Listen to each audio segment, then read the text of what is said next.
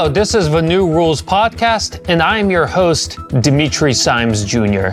Today, we're giving you another update on the Palestinian Israeli conflict, with a special focus on Iran. Ever since this conflict broke out more than a month ago, people all around the world have been asking one simple question What will Iran do next? And it's not surprising given that Iran is one of the region's leading military, political powers, the only player in the region that arguably could mobilize other players in a united coalition against the United States and Israel. So understanding Iran's strategic calculus, its motives, and its capabilities is extremely important to understanding how this conflict will unfold from here. To help us better understand the Iranian perspective on this conflict, we're very pleased to welcome Seyed Mohammad Marandi, a professor at the University of Tehran. Professor Marandi, thank you so much for joining us today. Thank you very much for having me. It's been more than a month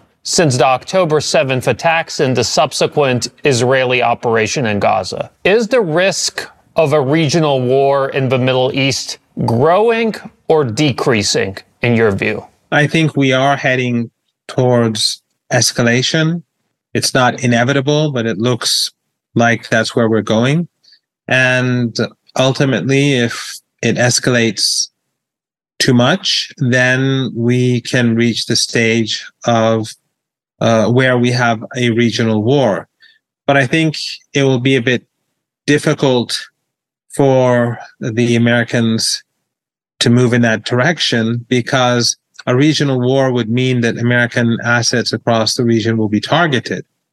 And that means Iraq, Syria, Lebanon, the Red Sea, the Persian Gulf. Uh, it would not be a win for the United States. It would be a defeat. Uh, some believe that uh, Netanyahu and and or elements within his government would like to see the U.S join the fight. Uh, but I think the Americans are very wary about the potential consequences. So we are moving in that general direction, but I think the Americans are concerned. You know, I, I think the point that I find very fascinating about your answer is that you emphasize that America, the United States would in many ways be vulnerable in this conflict. Could you elaborate on why? Because when people look at the United States, although it's had a difficult past several years, it still positions itself as the leading economic military superpower. Why is this escalation potentially dangerous for the United States? The United States faces enormous challenges with China the United States is being very aggressive towards China. It is losing the war in Ukraine. And in the coming months, I think the Russians will clearly have the upper hand. And in the region, the so called Middle East or West Asia, to be more precise, the United States is vulnerable across the board because the United States has illegally occupied one third of Syria.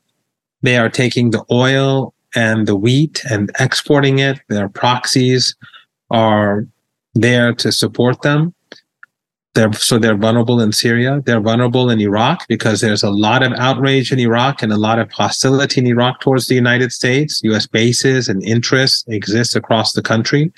And um, in Lebanon, obviously, if the United States gets involved, they have long lasting interests there.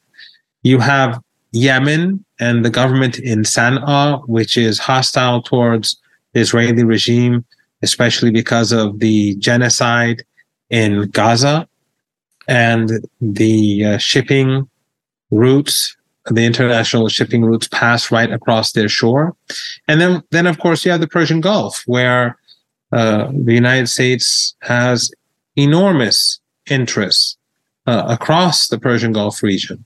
And if there is conflict, American bases in the Persian Gulf region will definitely be destroyed. And uh, those countries that host American bases will be seen as complicit. Therefore, their, their infrastructure will be destroyed. And so we, you will have a situation where oil and gas are no longer exported. That would lead to a global economic meltdown that we've never experienced before, especially at a time when the global economy is not doing well at all. So I think it's something that this is something that American government officials are thinking about very carefully. No one in the region wants war, but this is our neighborhood. And the Israelis are carrying out what people here consider to be a Holocaust and a genocide. And the West can define it in any way they want. But when you see thousands of children slaughtered, and when it's being done in front of your eyes, something that's unprecedented in human history, we've heard about genocide. We get, we receive news about horrific crimes being committed, but this is the first time that it's literally being uh, carried out in front of our eyes. And people are outraged. So uh, this it's it's not a good situation for the United States. People like Tom Cotton can, you know, can make uh, provocative uh, statements, and other senators can make all sorts of noise. But the reality on the ground is that the United States has bitten off more than it can chew with China, Russia, our region and elsewhere. It has many problems at home. It has an economic crisis at home and a political crisis at home, the, which we'll see during the uh, presidential election, the upcoming presidential election play out. So I don't think, and I'm quite sure that the Americans don't want to have a catastrophe in West Asia. And I think, I guess this is an interesting point because the Biden administration's expectation is that by deploying aircraft carriers and Ohio class submarines to the Middle East, to West Asia, it can therefore intimidate Iran and other major regional players like Hezbollah. Based on your answer, that is not an accurate assumption. No, I think actually it's detrimental to U.S. interests because these people, these groups, these countries, these organizations, the resistance is not going to be intimidated. They are going to support the Palestinians, regardless of what the Americans say, regardless of what the Americans and the Europeans do. And the belief is that the Americans don't want conflict because those ships are all vulnerable. And as I said, US assets across the region are extremely vulnerable. But what it does is that the United States is seen by the people across the region as firmly on the side that is carrying out genocide. In other words, the Americans and the Europeans, by sending weapons, by bringing their own forces, and also by bringing nuclear weapons and announcing that they're bringing nuclear weapons, even though everyone knows that they're not going to use them. But they reveal themselves as being irrational semi mad and also fully supportive of the massacres that we're seeing on a daily basis in Gaza. And this has demolished US soft power. It has demolished European soft power. It has crushed the West in the eyes of the world. Have no doubt about that. And I think the damage that this is causing to the West will be felt for many, many years to come. Forget the Israeli regime. It is a puny regime, a, Western colony, not of great significance. It's only there because of the support that the Europeans and especially the Americans and the Canadians and others give to it. But the West is destroying itself. It's destroying its image at a time when the West feels that it needs to compete with China and Russia and others. The world sees China and says they're much more sane. They look at Russia and they say they're much more sane. The Europeans and the Americans, they are barbaric. How is that going to play out in the years to come when alliances are formed, when, when governments negotiate with one another for business and trade and investment? It's not going to help the Europeans or the Americans or the Canadians by uh, by any means. I want to return to the issue of U.S. bases in Syria, in Iraq, and other places. I just find this whole situation really fascinating because for years, people in Washington have made an art, basically what I would call the tripwire argument that although there are a smaller number of U.S. troops in these countries, they are un- sufficient enough to impose deterrence because regional players will understand that if they attack these troops and these bases, they risk getting into a larger conflict with the United States. But what we've seen since October 7th is that these various groups have been hitting U.S. bases nonstop with drones, with missiles. What went wrong with this tripwire logic? Why isn't U.S. deterrence working in the way it used to? There are many reasons. One is that the United States isn't the United States of 20, 30, 40 years ago. And the rest of the world has changed as well. The global balance of power has shifted away from the West and has moved eastwards. And of course, it's also moved southwards. So the United States is not the country, the hyperpower, as someone once called it, that it was after or before 9 11. It is now facing a world which is changing, countries which are advancing, countries like Iran, like Russia, like China, like Brazil. And uh, the United States still thinks it's 20 years ago. It hasn't been able to adjust itself to reality. And basically, what the Americans have done is that they've put these forces in Syria, for example, and in Iraq in places which make them more, the Americans more vulnerable because these are not bases that can be easily defended. It's costly to keep them and, ma- and, and maintain them. It's costly for the American taxpayer, but also it's easy to hit because they are far apart and spread out.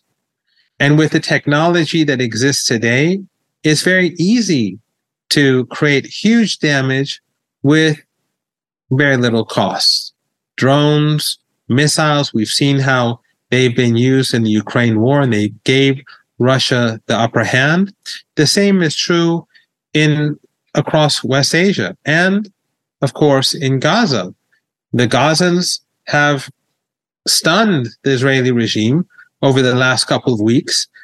The Israelis have been unable to make any serious gains in Gaza, despite the fact that the that Hamas and Islamic Jihad and the other groups don't have the sort of weapons that the Israelis do. But the new weapons, the anti-tank missiles, the you know, the rockets, as I said, drones, these new technologies, which are much cheaper, have tilted the balance of power too in in in their own way.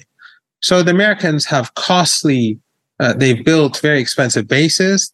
The occupation is costly. It angers the local population, and the resistance can strike at the United States without it costing them very much. And they become popular among the local population, among the people in that country, because that's their land and it's being occupied by some country that's thousands of miles away. All of this is done by the Americans, basically, for the sake of Israel. The U.S. policy in West Asia is founded upon uh, the interests of the Israeli regime. And that is, I, I think, is the most important thing because U.S. policy is basically harming the United States. The Israeli regime is not an asset. Its its existence is de- is detrimental to the United States and to the Europeans because it's an apartheid regime. It's a racist regime. It carries out genocide in Gaza repeatedly. This is not the first time that this has happened over the past 10, 15, over the past 10 years. They've uh, repeatedly bombed uh, or carpet bombed Gaza, this time, of course, much more extensively. So the people across the region hate this racist, apartheid, supremacist regime that constantly carries out genocide. And as we speak in the West Bank, where there's no war going on, the Israelis are every day they're killing a number of Palestinians in the different towns and villages. So Israel is making the, the United States and the Europeans hated across the region. Is that in their interest? Definitely not. But what what the Americans and the Europeans don't understand is many of the the governments in the region, many of the regimes in the region, they are not democratically elected. They're family uh, regimes, and they do not reflect public opinion. In no country in West Asia or North Africa do people support Israel. Do they? Do people accept it as a legitimate uh, state? because it came about through ethnic cleansing. And of course, now after what the Israeli regime has done across the global south bears outrage. And so this is, as I said, not only detrimental to American and European interests, this is, this is um, damaging, increasingly damaging Western interests in a way which I think is uh, probably irreversible. How is Biden viewed in Iran? Because obviously Republicans will insist that he's viewed as a weak leader. Democrats will insist that he's viewed as a strong leader. What's the truth? How is Biden perceived in Iran? Well, I think actually we should look at it from a different angle. The United States has tried very hard to antagonize the Iranian government, the Islamic Republic. And it has tried very hard to turn the Iranian people against the political institutions in the country, against the Islamic Republic of Iran. We have literally hundreds of media outlets funded by American and European taxpayers in Persian that are hostile, working day and night to undermine the country. They're, they're funding a host of different terrorist organizations, based in northern Iraq, based across, alongside the Pakistan border, based in Europe, like the MEK, which fought for Saddam Hussein against their own country in the 1980s and is deeply despised. So it is funding all these different organizations to, ca- and then it's also sanctioning Iran severely to create misery and hardship for ordinary people. And, and again, this is this is very similar to what the Israelis do to Palestinians. So the Americans have tried to delegitimize Iran through creating misery and through media campaigns and propaganda. But what have they done in Gaza? They've destroyed their image in the eyes of that segment of the Iranian society that has been, whether sympathetic to the West or pro West or hoping to come to terms with the West. People are looking in horror so that group of Iranian, that, that segment of Iranian society, 20%, 30%, 10%, whatever it is, that is liberal, pro Western to different degrees, how are they looking at the United States today? Just as everyone else is across the world. They're looking in disbelief.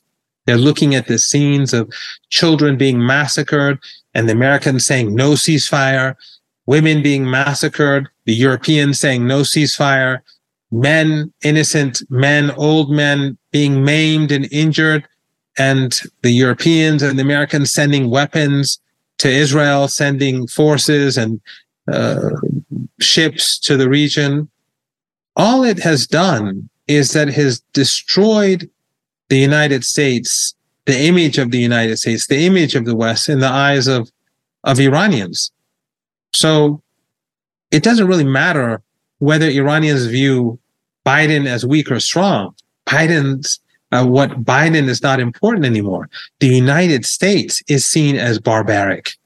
The Europeans are seen as uncivilized in the eyes of an overwhelming majority of Iranians. Of course, Iranians see the protests on the streets in Europe and North America, but we're talking about the political establishment in the West. But to answer your question, Iranians see Biden as genocidal. I want to remind our audience members that you are watching and listening to the New Rules podcast. I'm your host, Dimitri Simes Jr., and our guest today is Seyed Mohammad Marandi. So this is really fascinating. And I guess, do you see a s- similar dynamic in the diplomatic realm? Because obviously Iran was in the process of normalizing its relations with former rivals such as Saudi Arabia, even before the start of the Palestinian, before the beginning of the current phase of the Gaza conflict. But it does seem that whereas Antony Blinken, when he goes to the Middle East, is met with contempt when the Iranian foreign minister goes to Turkey, goes to Saudi Arabia, goes wherever, he's treated as a guest of honor and he's genuinely welcome. How has, you know, this whole situation impacted, do you think, Iran's standing in the region? Well, again, the Israeli regime, its very existence is detri- detrimental to U.S. interests and to European interests. In fact, I would argue that none of the wars that we've seen over the last few decades, whether the dirty war in Afghanistan or the invasion of Afghanistan and Iraq and the destruction of uh, Libya and the destruction of Yemen and the dirty war in Syria and, and so on, none of these wouldn't have happened if it wasn't for the existence of the Israeli regime. US, as I said, U.S. foreign policy, Western foreign, Western intervention in our region is very much linked to the, the interests of the Israeli regime rather than the interests of the West. And you can imagine how much this has just, you know, co- co- what sort of cost this has imposed upon the American people and among people in European countries. The cost is, uh, is enormous. And the harm is, again, I think, irreparable. But uh, the uh, United States has done something through these foolish policies that I think is uh, quite stunning. And that is that despite the fact that the Americans and the Europeans and the Israeli regime have always tried to keep our region divided, they've always tried, they've always tried to keep Iran and Saudi Arabia hostile towards each other or other countries in the region at, uh, at in conflict with one another. What they've done through this this Holocaust, through this unbelievable and unprecedented crime in front of a global audience, is that they're bringing all the countries of the region, region closer to each other. As you pointed out, the Iranian Turkish relationship is, is evolving. The Iranian Saudi relationship is evolving. And the countries of the region have all come to just recently come together. Now they have deep differences they will continue to have deep differences and they have deep deep differences about how to deal with uh, the, the, the the genocide in Gaza but they are negotiating. They're talking. They are uh, moving closer to each other. That is something that the Americans have tried to prevent for a very long time now. And at the same time all of these governments whether they're the family regimes or, or whether they are elected uh, governments, all of them are under pressure to do something about Gaza, to do something about Palestine. So this is not this is not good news at all for the United States. And meanwhile, while all of this is happening, as I said earlier, the United States is losing a war in Ukraine, and China is developing its economy. So time is not on the side of the United States. It's wrecking, it has destroyed its image. It has brought countries in the region closer to each other. It really can't get much worse. At least if we don't go, if uh, let's say we can't get much worse unless there's a regional war, then it will get much worse. So, since you bring up the possibility of a regional war, I want to return to that point because a lot of people have been obviously closely monitoring the situation and wondering when and how the escalation could happen. Senior Iranian officials have repeatedly warned the West that if there is that there that if there is no ceasefire in Gaza, then there will be an inevitable expansion of the conflict. How do you interpret these statements? And are they signals, signs that Iran might be potentially willing to intervene in the conflict if there is no diplomatic resolution? I think escalation has stages. So already we're seeing intensified conflict in on the border between Palestine and Lebanon we see that over the last couple of days, the uh, the two sides have been hitting each other much harder, and of course, the Israeli regime is hurt much more than the Lebanese because they have much more infrastructure. They have much more to lose in this exchange. So their cons, their their infrastructure is being targeted. Their soldiers are being targeted at a time when they are fighting a war in the south. So the worse the situation gets, the more intense the fighting becomes. We also see a rise in in in the strikes against um, the illegal American bases in Syria and American bases in Iraq, and those will become more intense if there's further escalation. You have Yemen. There are many things that can happen. It doesn't have to be in one stage. I don't know exactly. I mean, I, I'm not privy to any decision making process in Lebanon or in Yemen or in Gaza or the West Bank or in Iraq uh, or in Iran about escalation. But what I can say is that the the genocide in Gaza and the ethnic cleansing of the Palestinian people in Gaza is not acceptable under any circumstances. And uh, if the Israeli regime and the West think that they can get away with genocide, that they can get away with a Holocaust, they're badly mistaken. No one wants escalation. No one wants war. No one wants a regional war. But this is not Europe. And this is not the United States. And this is not their territory. And this is not their land. And they are co- committing crimes against humanity on a land that is not theirs. And at the same time, they have overextended themselves with conflicts across the globe. So the smart thing for them to do is to rethink their policies, to recognize that, it, that an expansion of the conflict is not in Western interest, and to push the Netanyahu regime to accept a ceasefire. That is the only acceptable way forward. And if the Netanyahu regime keeps pushing, they will have an escalation. Does Iran have any sort of clearly stated red lines? Has the Iranian government, you know, demarcated these red lines? And if so, what are they? I think they've been pretty clear in Iran and among the resistance that ethnically cleansing the Palestinian people, which is obviously something that the Americans and the Europeans are pursuing, despite the rhetoric otherwise. The mass murder of Palestinian children, which is something that the Americans and the Europeans condone and accept, despite the rhetoric otherwise. This is unacceptable.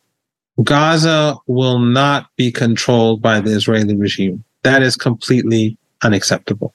And I think if the Americans miscalculate, if the Americans fool themselves into believing that they can get away with this genocide, if the Europeans foolishly think that they can get away with this genocide, they are badly mistaken.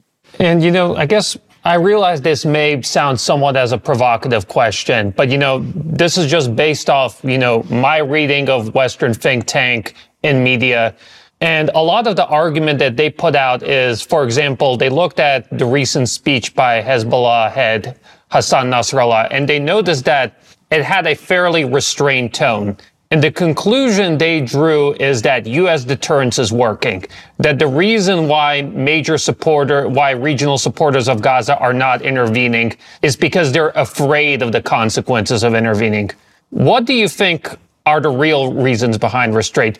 Is this fear or is this something else?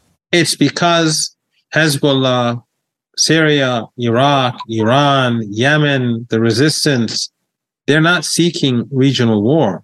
They're not seeking a war where Israel will be on one side with the Europeans and the Americans and the region on another side. It is a war that the West would lose, have no doubt. Remember, the West was saying how they're going to win this war in Ukraine, and we saw how that turned out. They're not going to win in this region. And uh, we have to keep in mind that a war is still taking place in Ukraine. So the Americans have to are focused in different in different places, even though the the media rhetoric uh, and the media, of course, in the West is showing it as being exposed as as um, as a, just basically a tool of the powerful. But the media rhetoric now is focused on Palestine, but the, there's still a much bigger war going on right now in Ukraine. So no one in the region wants a war. No one wants people to get killed. Sayyid Hassan Nasrallah is a rational, very rational, very sane human being, very different from the the the, the people at the top in Tel Aviv. He understands and he wants the well-being of the people of the region. And so do other the other resistance actors. But they're not going to accept the West wiping out the Palestinian population. They are not going to accept the liquidation of the Palestinian population. This is not the 19th century. This is not 20th century Algeria or South Africa. The world has changed. They will be badly beaten if they if they think they can get away with this. So again, I stress that Iran does not want an escalation. Hezbollah, Lebanon, no one wants an escalation. Probably the government in Tel Aviv wants an escalation because they want the Americans to, because they don't care about the Americans. Netanyahu always speaks about how he is good at so good at manipulating the United States. But they they're so they're pursuing their own interests. They may they probably want an escalation. But I think the Americans do recognize that uh, if Israel pushes too far, then we will have no, there will be no option for the resistance but to to escalate. And once things escalate, it becomes more difficult to control. So it's up to the Americans, really. They can stop this. with without the Americans, the Israelis cannot continue with this. It is with American full consent that this has been happening so far. They cannot pretend otherwise. If the Americans want to stop it, they can stop it. But once it escalates, then there are new dynamics at play. And it's not so easily to shut down the conflict. I mean, based on your answer, it seems that Iran and other key regional players are still hoping for some sort of di- diplomatic off ramp in this conflict. If so, what sort of potential off ramps do you see? What is there a non-military solution to this conflict that is realistic, feasible in any way? The only thing that can end this is a ceasefire. Nothing else is acceptable. U.S. aircraft carriers have no impact on the resistance. U.S. nuclear submarines, they have no impact on the decision making process. They are misleading themselves, the Americans, if they think otherwise. And that's a dangerous miscalculation. The only thing that is important is that the war in Gaza ends, the war on Gazans end, the massacre, the genocide, the Holocaust comes to an end.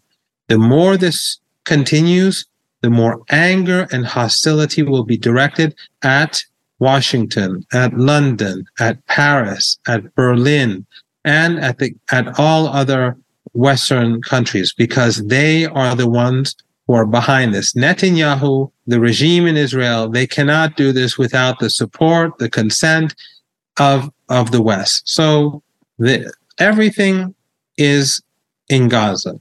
That's where the solution lies. Not the final solution that the Israeli regime is seeking, but a ceasefire where they back off and the war comes to an end. I don't see Netanyahu agreeing to that, and I don't see uh, Biden forcing him to do that. Am I wrong? I think that for the foreseeable future, we will see conflict unless something surprising happens. But keep this in mind that Israel has destroyed itself. The damage done to Israel is irreversible.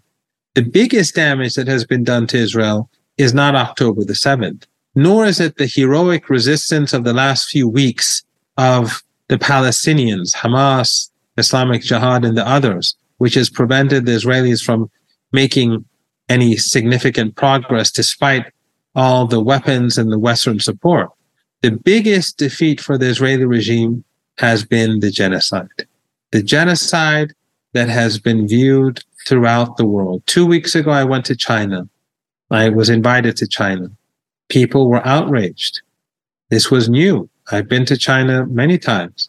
They were outraged at what the Israeli regime was doing. I was invited to Russia after my trip to China. People in Russia were outraged by what the Israeli regime is doing. People in our region are outraged. The Israeli regime has delegitimized itself in the eyes of those who considered it legitimate. Many never did, but those who thought it had some sort of legitimacy don't see it that way anymore. And even in the West, something has, there has been an awakening about what is really going on in our region. There's a sea change taking place in the global South. What happens in the West, that's something for us to wait and see. But in the rest of the world, there has been a sea change. People look at the reality on the ground in Gaza and they see Israeli regime behaving like Nazis. They see them behaving like the dictators of world history. But what is even worse is that it's being seen on live TV. It's not something you read about. It's not something that you hear about. It's not something that you hear at night in the news. When you wake up, it's the first thing that pops up on your uh, account. You know, when you when you go online. So the the regime in Tel Aviv has destroyed. It's demolished itself. It's it will never be. Things will never go back to where they were before. It is a diminished regime in every way. But in addition to that, every day that goes by and the West continues with these barbaric and uncivilized policies, they are diminishing themselves too. And they are making countries rethink their foreign policy, rethink their attitudes towards the rivals of the United States, whether it's Iran or Russia or China or, or whoever. The West is losing and it's losing big time. So ultimately this, the shooting will stop. But the longer it takes, the worse it is for the regime in Tel Aviv and for NATO countries. A couple episodes ago, we had former CIA analyst Ray McGovern on the program, and he argued that the Muslim world could force Israel and the United States to back down without firing a shot if they were to impose a new oil embargo. And I saw that Iranian President Raisi has recently you know, resurfaced the idea of imposing an oil embargo. How realistic do you think a new oil embargo would be? And to what extent is this sort of a non-military solution, a non-military instrument of pressure to bring this conflict to a halt? Well, there are countries that want to retain ties with the Israeli regime. Turkey, the Turkish president, despite the rhetoric, he's kept relations, trade goes on. Much of Israel's oil goes through Turkey. You can't hide that. The same is true with the Emirates and, and other countries in the region as well, or, or a number of other countries. But the people of the region, if they don't see their governments acting, then those governments will become delegitimized in the eyes of the public. Doesn't matter if they're elected like in Turkey or unelected like in some other countries in the Persian Gulf but the pressure is building. And therefore, when people see that their governments are not doing anything in response to these horrific crimes against humanity, then that can change things in, in unpredictable ways. Remember, the revolution in Iran was something that the Americans never predicted. They thought that the Shah, their despotic ally in Tehran, the person who they installed, that he was you know he will be in power and then his son will take over and they will rip off the country and American and American and European interests will be preserved. Well, that didn't happen. And for 40 some years, Americans have been trying to undermine Iran to get revenge, but it, they haven't succeeded. But what we have seen is that the Americans have lost ground in Afghanistan, in Iraq, and across the region and across the globe. So if the Americans think that time is on their side, they're wrong. If the Euro- Europeans say think that they can just close their eyes and let the Israelis keep slaughtering women and children and nothing will happen, they're wrong. Time is not on their side.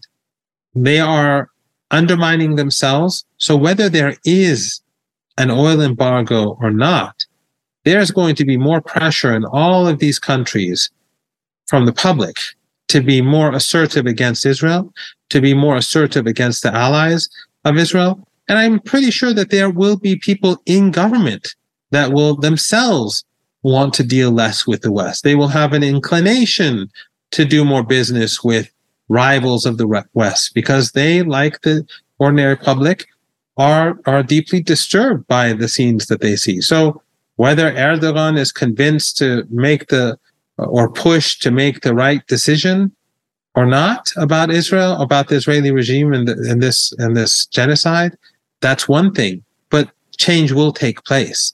Whether Mohammed bin Zayed chooses to push against Israel or not, we have to see. But change is going to happen because there are forces at play that are much more powerful than individuals. And these forces that are building up are building up at a time when the United States does not have the energy and the resources and the power and the influence that it had a couple of decades ago. I want to remind our audience members that you watched and listened to the New Rules podcast. I am your host, Dimitri Simes Jr., and our guest today was Seyed Mohammad Marandi.